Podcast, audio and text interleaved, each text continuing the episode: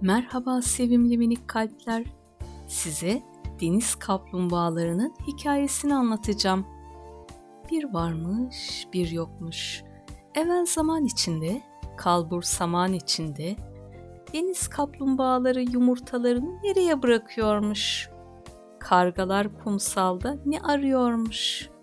Küçük çocuk ve tavşan neden zıplıyormuş?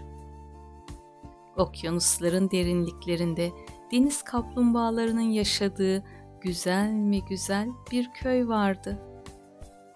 Bu köyde yosunlar ve deniz otları oldukça boldu. Bunlar diğer canlılar için oksijen üretiyorlardı. Bu nedenle köyün havası tertemizdi. Köyün etrafında yaşayan daha birçok başka canlı da vardı. Anne kaplumbağalar zamanı geldiğinde kumsala çıkıp yumurtalarını bırakıyor, küçük bir çocuğa da yumurtalarına göz kulak olması için hediye olarak deniz kabukları getiriyorlardı.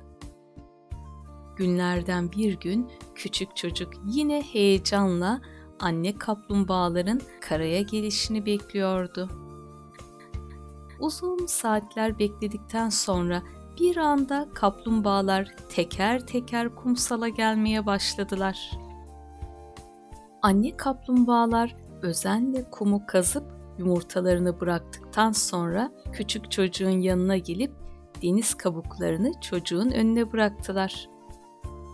Küçük çocuk, Beni anlıyor musunuz bilmiyorum ama bu güzel hediyeleriniz için çok teşekkür ederim. diyerek kaplumbağalara sevgisini gösterdi. Anne kaplumbağalar da çocuğa gülümseyip denize doğru yürümeye başlamışlardı ki birdenbire birkaç karganın sesi duyuldu. Gak gak gak. Çocuk kargaları kovalamak için her ne kadar koştuysa da ne yazık ki bu yeterli olmadı. Kargalar yumurtaları aldıkları gibi havalanıp uçtular. Anne kaplumbağalar gözleri yaşlı bir şekilde baka kaldılar. Belki konuşamıyorlardı ama çocuktan yardım istedikleri belliydi. Küçük çocuk deniz kaplumbağalarına yardım edeceğine söz verdi. Sonra da koşarak evine gidip hemen kendine küçük bir çanta hazırladı. İçine biraz pirinç ve bir adet dürbün koydu ve hiç vakit geçirmeden hemen yola koyuldu. Dürbünle bütün ağaçları izledi. Ama papağanların ve serçelerin yuvalarından başka hiçbir şey görünmüyordu.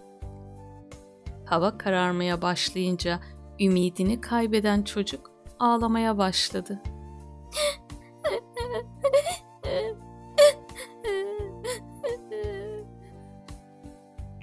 Ağlama seslerini duyan bir tavşan yanına yaklaştı. Ama o da çocuğun kucağında uyuyakaldı. Sabah olduğunda çocuk tavşana bütün olan biteni anlattı. Tavşan durumu anlamış olacak ki hızla zıplamaya başladı ve çocuğu bir ağacın dibine götürdü. Çocuk çantasından dürbününü çıkarıp bu yüksek ağacın tepesine bir baktı ki ne görmüş dersiniz? Kocaman bir karga yuvası. Hemen bir avuç pirinci alıp taneleri yol boyunca dizdi. Amacı kargaları olabildiğince yuvadan uzaklaştırmaktı. Çocuğun planı işe yaramıştı. Kargalar yuvalarından inerek pirincin peşine düştüler. Yuvadaki yumurtaları da yalnız bırakmış oldular. Çocuk sessizce ve dikkatli bir şekilde ağaca tırmandı ve yumurtaları özenle çantasına doldurdu. Yorulan tavşanı da omzuna alarak kumsala doğru yol aldı. Tavşan ve çocuk yumurtaları kuma gömdükten sonra nöbetleşi günlerce başında beklediler. Kargalar da yedikleri pirinçlerden dolayı çok kilo almış olacaklar ki bir daha kumsala gelemediler. Günler geçmişti. Tam iki ay ve Sonunda deniz kaplumbağalarının yumurtaları çatlamaya başladı. Çocuk mutluluktan havalara zıplıyor, onu gören tavşan da zıplayarak dolaşıyordu. Sonra birdenbire okyanusun üzerinde anne kaplumbağalar belirmeye başladı. Çünkü onlar yavrularının yumurtadan ne zaman çıkacağını biliyorlardı. Son bir umut, belki kargaların almadığı yumurtalar kalmıştır diye bakmaya gelmişlerdi. Zaten umut hiç bitmemeli. İyi ki de gelmişlerdi. En son umutsuzluktan gözleri yaşlı olan annelerin gözleri yavrularını gördüklerinde bu defa mutluluktan parlıyordu. Her biri teker teker kumsala çıktılar ve çocuğun önüne bembeyaz inciler bıraktılar.